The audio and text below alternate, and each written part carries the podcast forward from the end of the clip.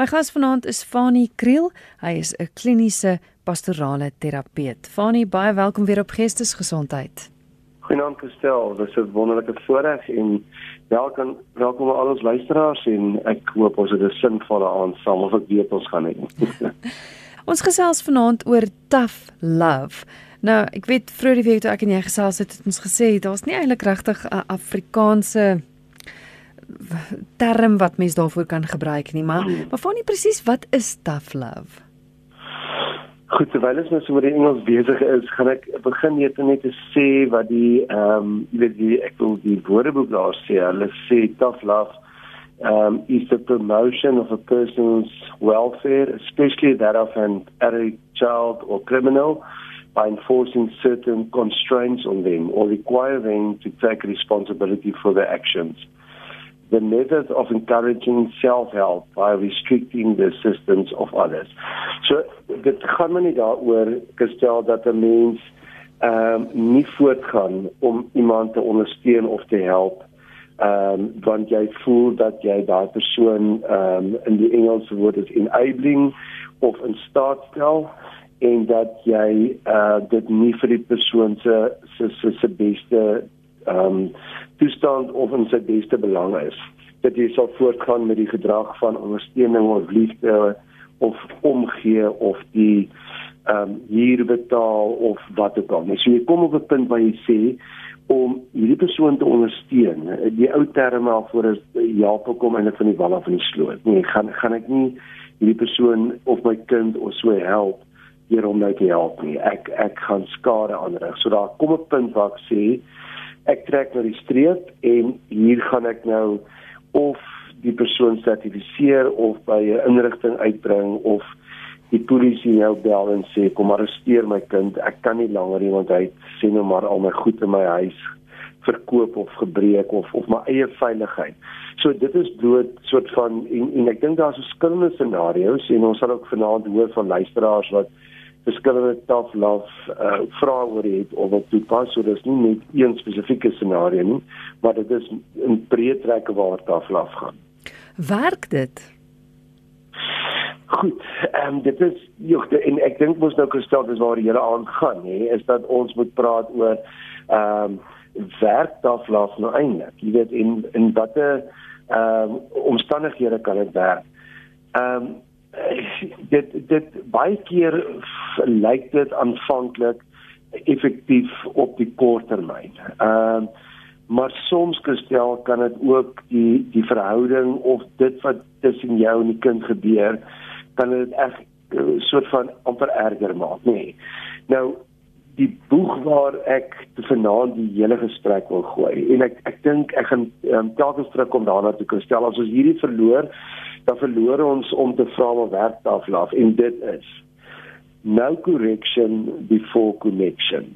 Hmm. In Afrikaans sou dit amper vertaal het met geen korreksie, geen tafel af, geen enige een is om 'n grens te stel ehm um, voordat daar nie 'n koneksie tussen my en die persoon is. So as ons ooit praat van tafel af, as jy net vra van die werk dit. So buite om 'n verhouding, buite om 'n koneksie, buite om wederwysige respek, buite om wederwysige liefde, ehm um, aanvaarding omgee werk daaraf nie. En sorry, dis maar net my opinie daaroor. So vir my gaan dit altyd, dit is altyd die laaste die laaste uitweg. Dit dit is wanneer al die ander goed nie meer gewerk het nie um, kan ek in sekere opsigte oorgaan na taflaf toe. So ek stel die belangrike ding vir my is, nee, die vraag is altyd, kyk ons moet holisties hierna kyk, nee. Sien nou maar byvoorbeeld, uh jou kind is 'n dwelmafhanklike of hy um, is 'n substans of een of ander substans, nee. Nou ek sien nie daardeur dis nou jou fout of jy die kind verkeerd grootgemaak glad nie wat ek sê. Wat ek hier net sê is die volgende is dat dit is mos nou deel van die patologie deel van die siektes toestaan, deel van die probleem dat hierdie kind ehm um, het begin ehm um, ehm um, middels begin gebruik en kom ons sê nou maar een van die redes daarvoor is dat hierdie kind juis 'n gebrek aan liefde in die kinderjare gehad het. Of dat hierdie kind juis gevoel het jy as pa of ma was nooit daar nie of altyd op die pad of besig met werk of die kind het in 'n onstabiele huis groot geraak nie nou om nou verder te gaan en om hierdie eerste fout nou reg te stel met 'n volgende fout waar die kind gaan voel maar ek isoleer hom nou verder of ek verwerp hom nou verder. Ek dit is my laaste uitweg maar dit gaan eintlik maar oor my. Dit gaan oor dat ek kon nie meer met hierdie kind hy sou nie en dan sit ek hom ver in 'n koshuis of wat ook al die geval mag wees nie. Ehm um, dat dit hierdie hele probleem mag vererger. So jy hoor wat ek probeer mm. sê, die konteks moet reg wees. Die die ek het alles geprobeer in liefde en omgee, maar die kind het sê net maar tussen verkeerde vriende verval of in verkeerde gedrag verval en ek moet nou die laaste stappe wat hierdie ernstige stappe van taalvlaag is, moet ek neem. Dan kan ek alleen dit doen as daar 'n koneksie tussen my en die kind en 'n verhouding is. Mm. So no correction before connection. Ja, dit maak heeltemal sin. Uh mm. kinders 30 jaar gelede is op 18 jaar uit die huis uit. Maar ja. deesdae is kinders daar 25, partykeer selfs tot op 30 jaar. Ja. Pas mens tough love toe as jy hulle uit die huis uitsit? Is dit is dit 'n goeie ding? Okay. Goed. Ek is so bly vir jou vrae en vir die luisteraars se vrae want dit dit dit maak elke keer half ek wou amper sê 'n leer oop nê. So die volgende leer wat ons oop maak is dat mense moet behoort nooit tough love of hierdie uh, laaste uitweg nooit te kies net vanuit vanuit jouself. Nee, met ander woorde, ek beveel altyd 'n span aan. 'n Span rondom 'n mens. Al is dit net jy en jou man of jy en jou maale of jy 'n terapeut of jy 'n imam of 'n predikant of wat ook al nie. So ek sal altyd aanbeveel dat mense in 'n span werk en sê goed, kom ons besluit verder wat is die beste vir hierdie kind of hierdie persoon nou nie. Ehm um, want want die die groot ding is ehm um, 'n mens moet dit nie geïsoleer toepas nie. Ehm um, hoekom nie? Want dit dit kan baie keer maar net die maklikste of die beste vir jou wees en dit kan ook soms oorgang tot 'n ehm um, amper selfsugtige keuse, nê. Ehm um, so uh, uh, maar nou hoekom ek dit nou gebruik het? Jou vraag spesifiek.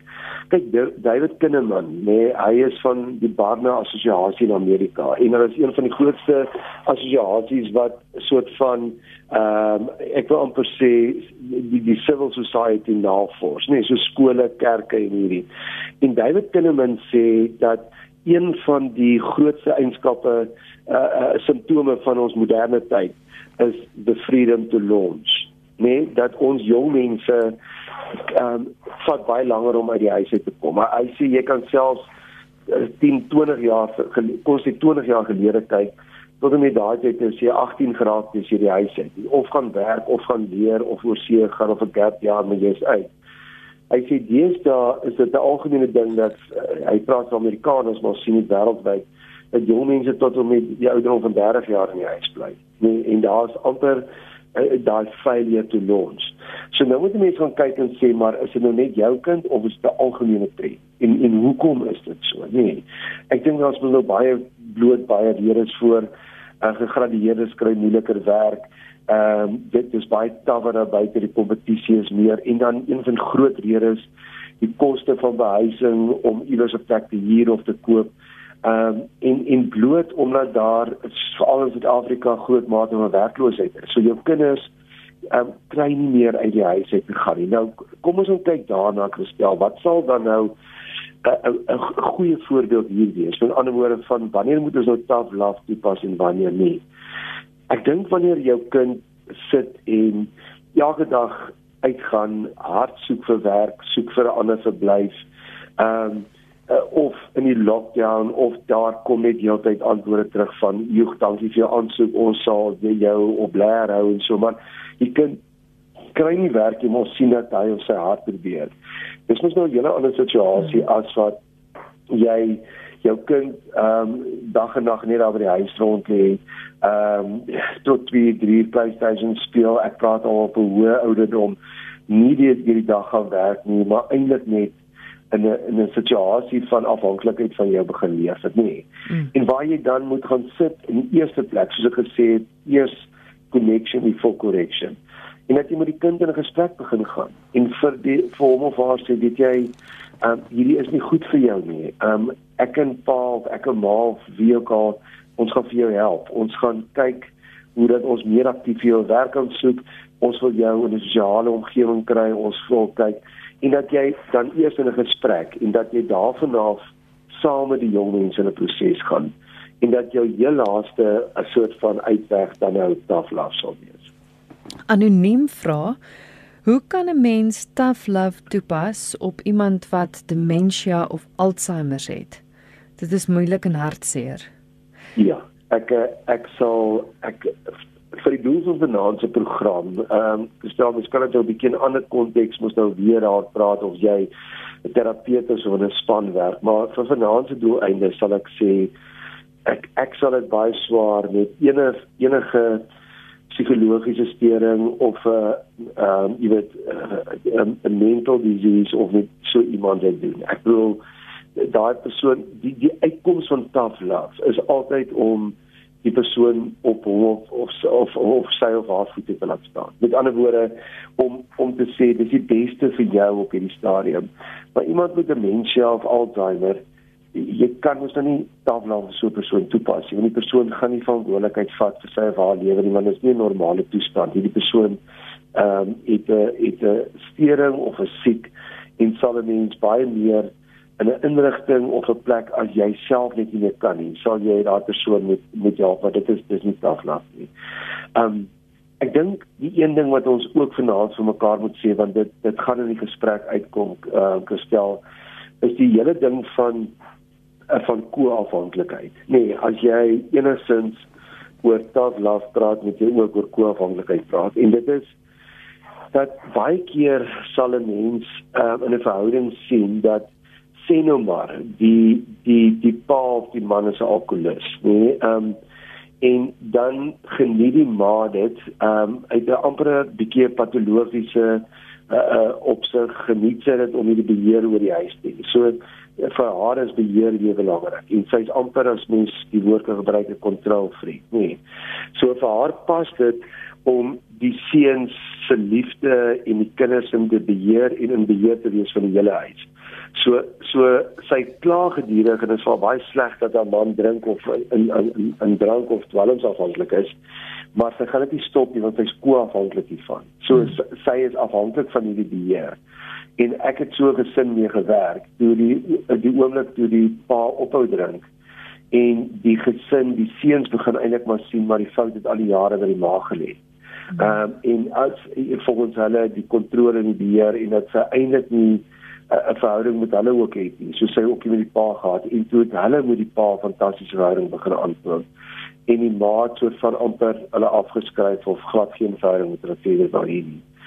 So die die belangrike ding is die woord wat mense ook hier moet dan verstaan is enabling of in Afrikaans in staatstelling. Nee. In staatstelling gestel of enabling is nie liefde nie. Met ander woorde, ehm um, jy as jou as as jou man vir julle eh, uit al die meubels, uit al die besittings, uit al jou beleggings begin drink het, nee.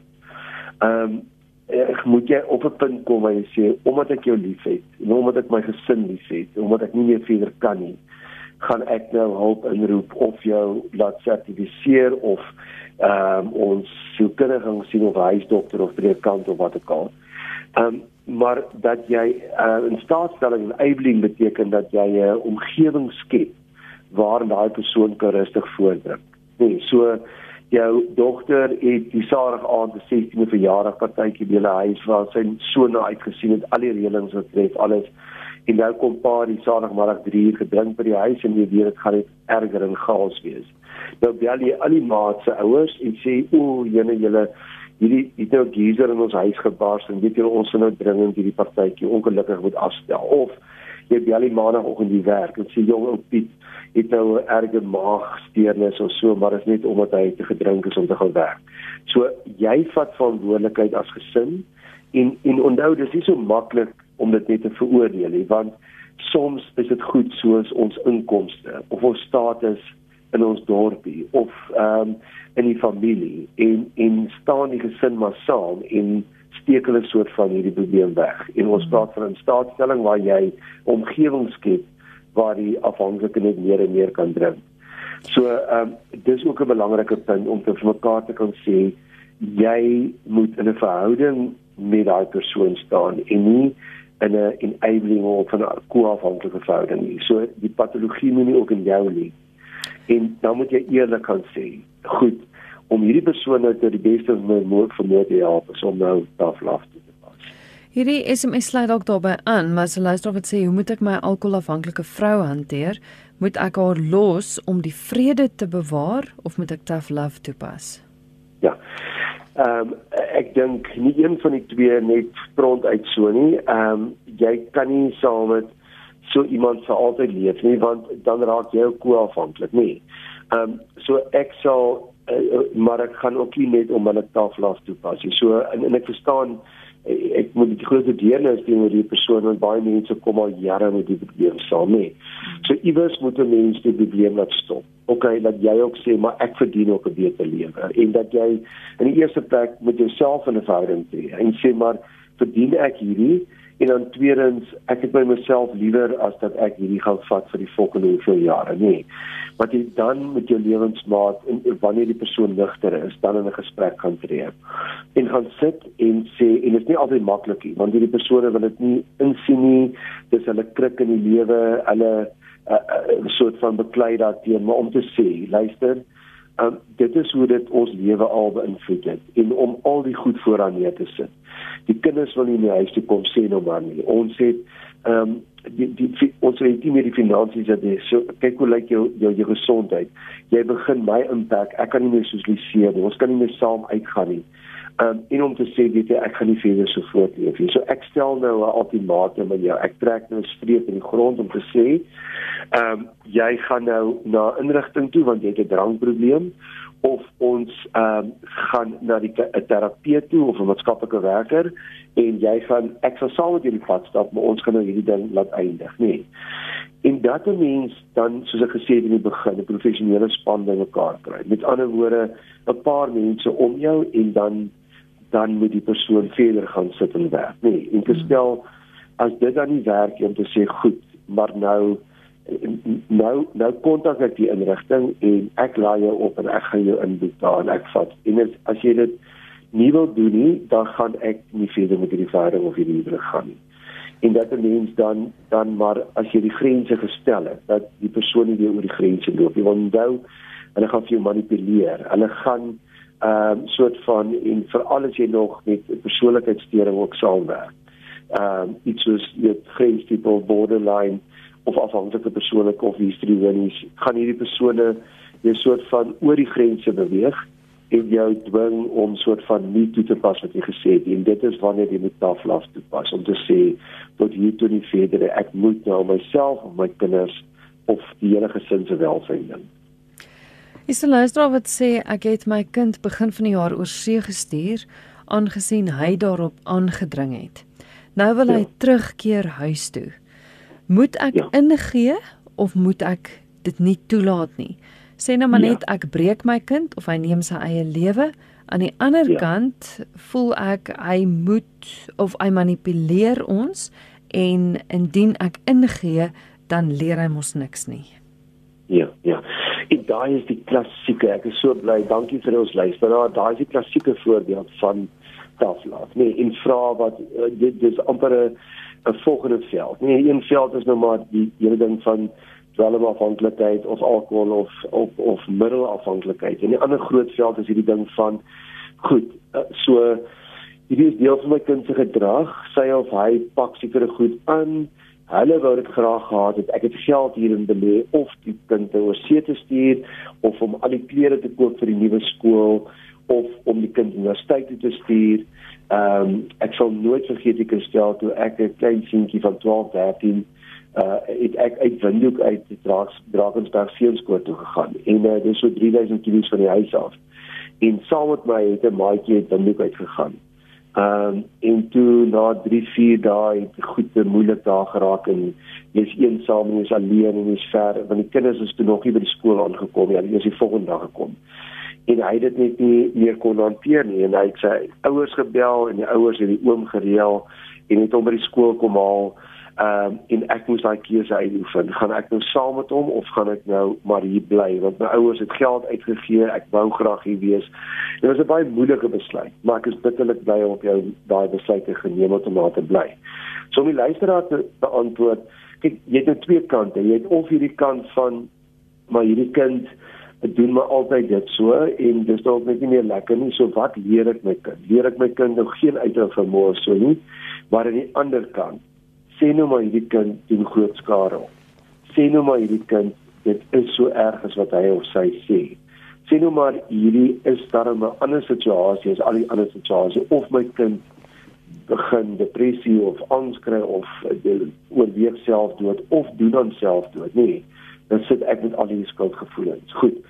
So weer eens gaan ons terug na no connection before connection. Nee. So ek gaan eers met my kind in 'n verhouding en as ek my kind goed ken, dan weet ek hierdie is 'n go-getter. Hierdie kind sal nie net omdraai as dit moeilik raak nie. Hierdie kind is iemand wat deurset om so mooi al hierdie goed. So ek ken ken my kind. En dan gaan sit ek met hierdie persoon of ek nou Skype of die telefoon of ek met vlieg soontoe of wat ook al. Maar ek gaan sit ek met my kind en praat en sê verduidelik vir ma hoekom vat. Vertel my van jou jou jou daaglikse lewe. Hoekom wil jy terugkom? Wat is vir jou so moeilik in die koshuis? Of jy wil so graag na die skool toe gekom het, vertel gou vir my, nê. Nee. En dan sit 'n geselse mens. En nou hier kom jou ouerskapstyl nou in. Gestel dat jy 'n autoritaire ouerskapstyl werk nie. So, dis 'n deelnemende ouerskapstyl. En dan sit met jou kind en sê, "Goed. Uh Pietie of Sari, sê vir ma wat is jy so sleg hier?" Kom ons kyk gou-gou wat gaan die beste vir jou wees. Nee, um, maar ek en jy gaan saam maar besluit. So kom ons en wat ek altyd doen is en wat wil vir luisteraars sê in terapie doen ek dit ek deel 'n groot blad of my blaaibordvelle in vier blokke. Dan skryf ek linksbo die voordele om te bly by die skool of koshuis. Regsbo die nadele om te bly links onder die voordele om terug te kom en regs onder die voordele om ag die nadele om terug te kom. Dan skryf jy alles goed en dan spot jy elke blok. Kristel met ander woorde jy sê dis die hooftema van hierdie blok en op die ou end sit jy twee woorde teenoor mekaar en sê goed. As jy gaan bly daar is dit die goeie en slegte goed. As jy gaan weggaan daar is dit die goeie en slegte goed. En laat die kind dan saam met jou 'n besluit neem. So jy hoor waarvoor oor dit mm. dit gaan altyd oor die verhouding. Dit gaan nie oor 'n autoritaire taflaas besluit van bo af nie, want hoekom wil jy nie dit doen nie? Ons praat van 'n interne en 'n eksterne locus van kontrole. So as jy as ouers vir daai kind forceer om of te bly of te of te kom, dan dan neem jy die beheer. Nee, jy leer jou kind niks nie. So dit gaan nie vir my so seer oor die besluit wat die kind neem om terug te kom of daar te bly nie dit gaan oor dat hy of sy vat verantwoordelikheid vir hulle besluit. Hmm. So as hulle dan terugkom, was die reëling dan kan jy vir 2, 3 maande by maande weer kom bly, maar dan gaan jy of kursus toe of jou plek hier of jy gaan na 'n nuwe college toe of jy gaan volgende jaar vir 'n nuwe kursus inskryf. So jy leer die kind om verantwoordelikheid vir sy of haar lewe te vat. Gestel dat die laaste ding wat ek wil sê is uit hierdie verhouding uit, gaan jy agterkom ok hier hierdie is nie net speletjies nie. Onthou daar is sekere instellings, daar is sekere plekke. So die afgelope tyd daar van die nuus gehoor, nê, nee, waar waar daar regtig slegte goed gebeur, waar jou kind regtig diep ongelukkig is. Ehm um, en en uh, soms is dit so dat in daai omstandighede dit gaan nooit beter gaan nie. Dit gaan net meer toksiek raak. Uh, toksies raak. So iewers moet ek hier uitklim en sê maar kom ek gaan maak ook 'n nuwe verskil, ag 'n nuwe begin. En ek wil net gou die die lyn afsluit op die gesprek, ehm um, hierdie stuk wat die luisteraars vra. Ek het 'n predikant vriend en hy sê altyd, "Fanie, die beste ding wat enige predikant kan deurgaan is 'n tweede gemeente."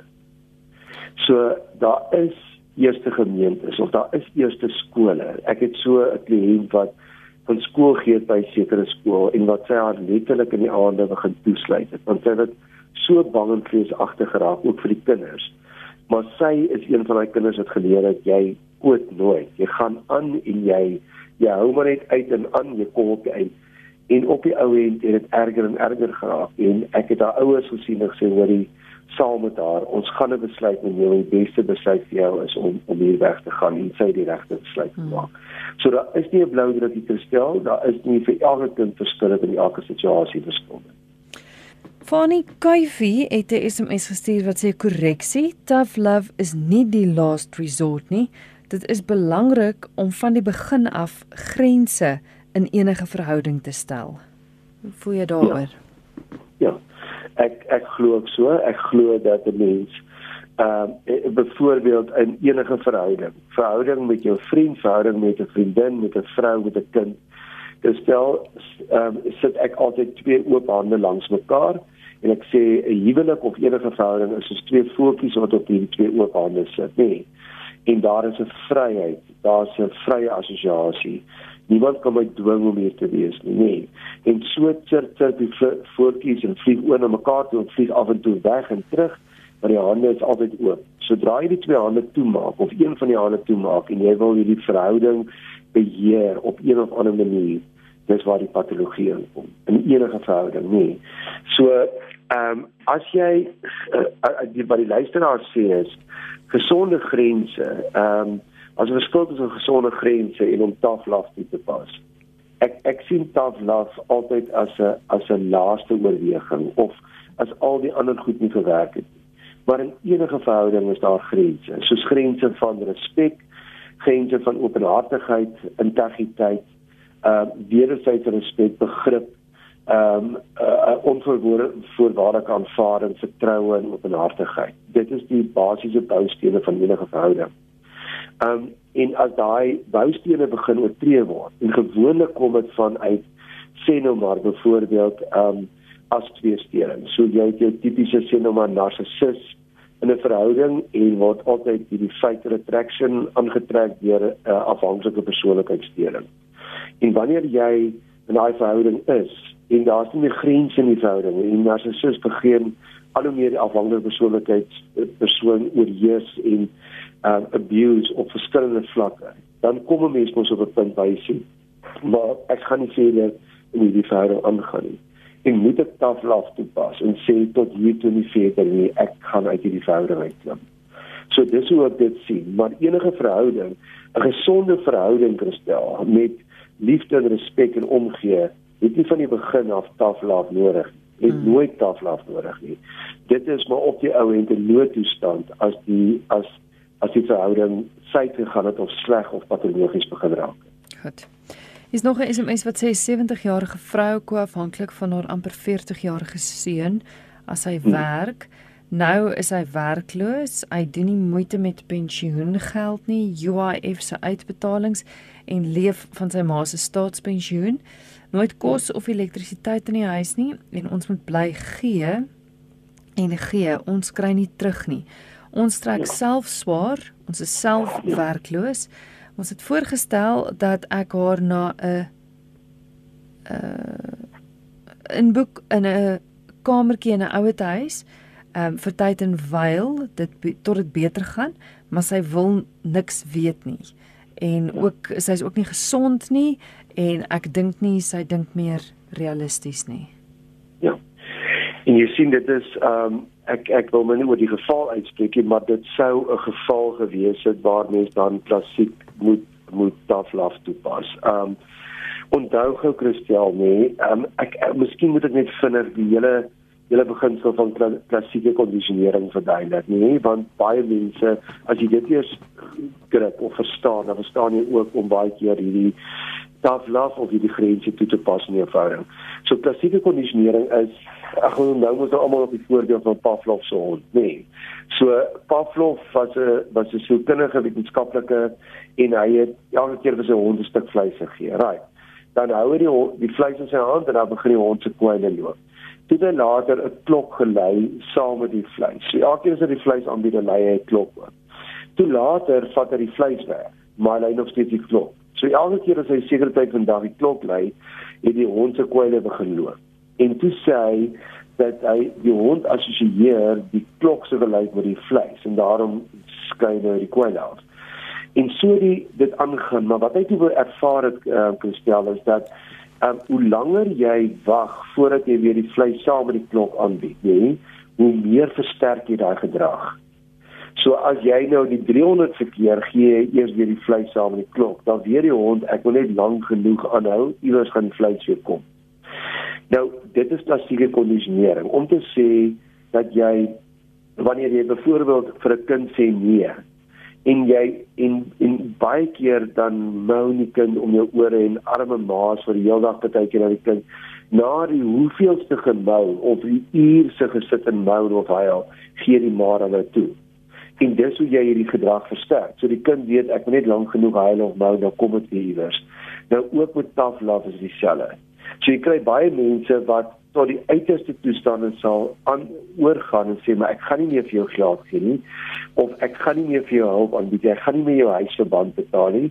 Ehm um, en dan op die ou end dan is dit dalk dat ek op straat sit en dan manipuleer die persoon jou en dan hou jy end aan maar dan dan dan gee jy maar weer in dan gee jy en dis hoe jy die gedrag versterk.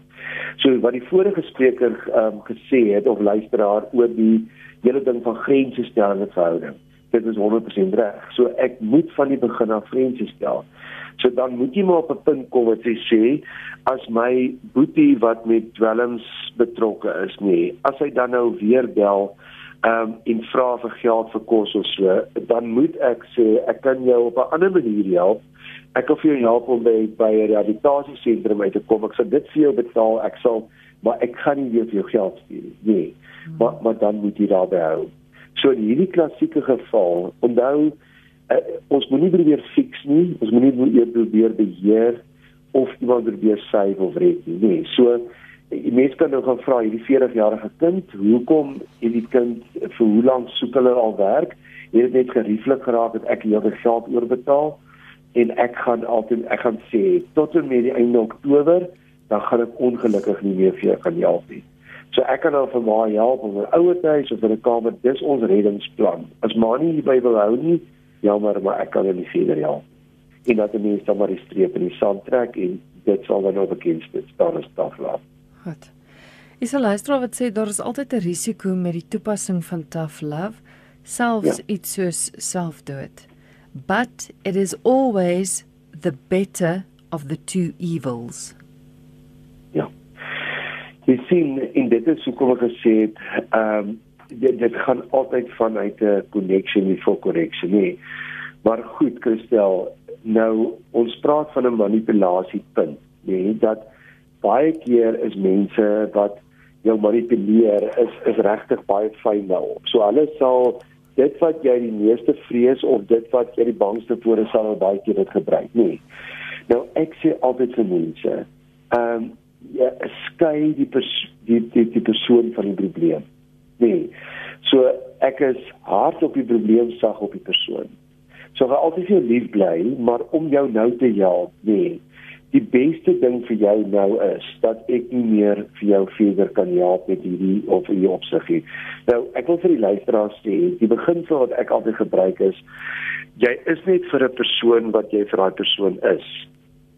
Jy kan nie as my ouers by my kom kuier en sê nou maar hulle het huweliksprobleme. Kan ek nie as jy buite sit sê hoor ek kom gou na my spreekkamer kantoor toe en hy dit moet as ek 'n huweliksverrader het nie. As as as as my as my kind swaar kry in terme van afhanklikheid en ek kan nie my kind behelp ek is net die kind se ouer dan kry ek iemand in van buite. So jy is nie die persoon wat vir daai persoon is. Ek is nie my suster se broer en kan 'n lekker vuurtjie opsteek en saam dat kuier en saam, maar ek is nie as 'n kind of vir haar hulp ook nie. En mens moet hierdie goed uitmekaar uithou. So jy moet op die ou en sê die beste nou vir my kind wat nie die dwelms afhanklik is nie is dat ek hierdie kind in 'n rehabilitasie sentrum sal kry. So kom ons gaan dan verder met die luisteraars op teen. Indien ek hierdie kind nie help nie, indien dit nie taflas toepas nie want dit is 'n risiko soos hy sê of hy sê. Ehm um, gaan hierdie kind verder op straat bly. Hy gaan verder sê nou maar net nog harder dwelms gedryf en gaan hy in elk geval op 'n stadium aan 'n oordosis of iewers op die straat weer vermoor word of wat ewer met my kind gaan gebeur, nê. Nee. So die beste om hierdie kind nou te help is om hierdie kind nou of te sertifiseer of na 'n rehabilitasiesentrum te neem. Ehm um, en en om dan te sê uh, want ek wil die gedrag wil ek verander. Maar ek sal altyd gaan sit en weer eens die 'n laaste brief skryf of 'n laaste gesprek voordat die kind na rehabilitasiesentrum vat om te gaan sê maar omdat ek vir jou so lief is en omdat ek vir jou omgee, kan ek nie nou anders as om die volgende stappe te neem en en en hierdie ding te hanteer nie. Nou, gestel wat die belangrike ding is. Ehm um, as ons grense stel, as ons sê dit of dit of dit dit is my plan en dis my grense en ons besluit saam met die kind of saam met 'n span nie dan moet ons by grense hou. En ons sien baie keer dat een van die ouers dan ingee. Want een van die ouers sal sê maar, "Ag, ek kan nie my kind so swaar sien kry nie." En ek en dan gee die persoon in. En dan dis die klassieke kondisionering waarvan ek gepraat het. En dan gooi jy die hele plan die kind met die badwater uit. So, ehm um, jy moet as 'n span saam staan. En as die span besluit, dis die beste vir die kind of vir my, ons ma of ons ouer gaan al die kinders moet saam staan of die ouers en die terapeut moet saam staan en sê dit is straf in die begin. Dit is nie lekker om te sien hoe my kind sê net maar onttrek uh, al die die die dwelms wat hulle weggeneem het. Of dit is nie lekker om te sien hoe my kind swaar kry nie. Maar dit is nou waar ek dit laat toe. So daar's altyd 'n risiko aan en dis hoekom ek sal sê mense gebruik dit as 'n laaste uitweg en nie gebruik dit nie net lukraak en ek hou daarvan om dit altyd in 'n span benader te Hmm. So laaste vraag ons het so 'n minuut of so. Ehm um, die skuldgevoelens of die feit dat jy dink dit is 'n selfsugtige besluit. Uh hoe hmm. hoe hanteer mens dit? Ja, jy moet altyd vir jouself gaan vra, hoe kom doen ek dit? Ehm uh, doen ek dit vir myself? Wil ek maar net bietjie van hierdie moeilike kind ontslaa raak, nou stuur ek hom na of haar na koshuis toe weg? Of wil ek nou maar net ehm uh, nie meer uh, bestaan jy moet altyd vra ja. en dit mag nooit oor jouself gaan nie as dit oor jouself gaan, gaan hierdie ding jou altyd iewers in die hakskeem byt. Ja. Dit moet oor eerlike liefde vir jou kind of jou geliefde wees en nie net uit van uit sommer net selfsugtige gerief nie.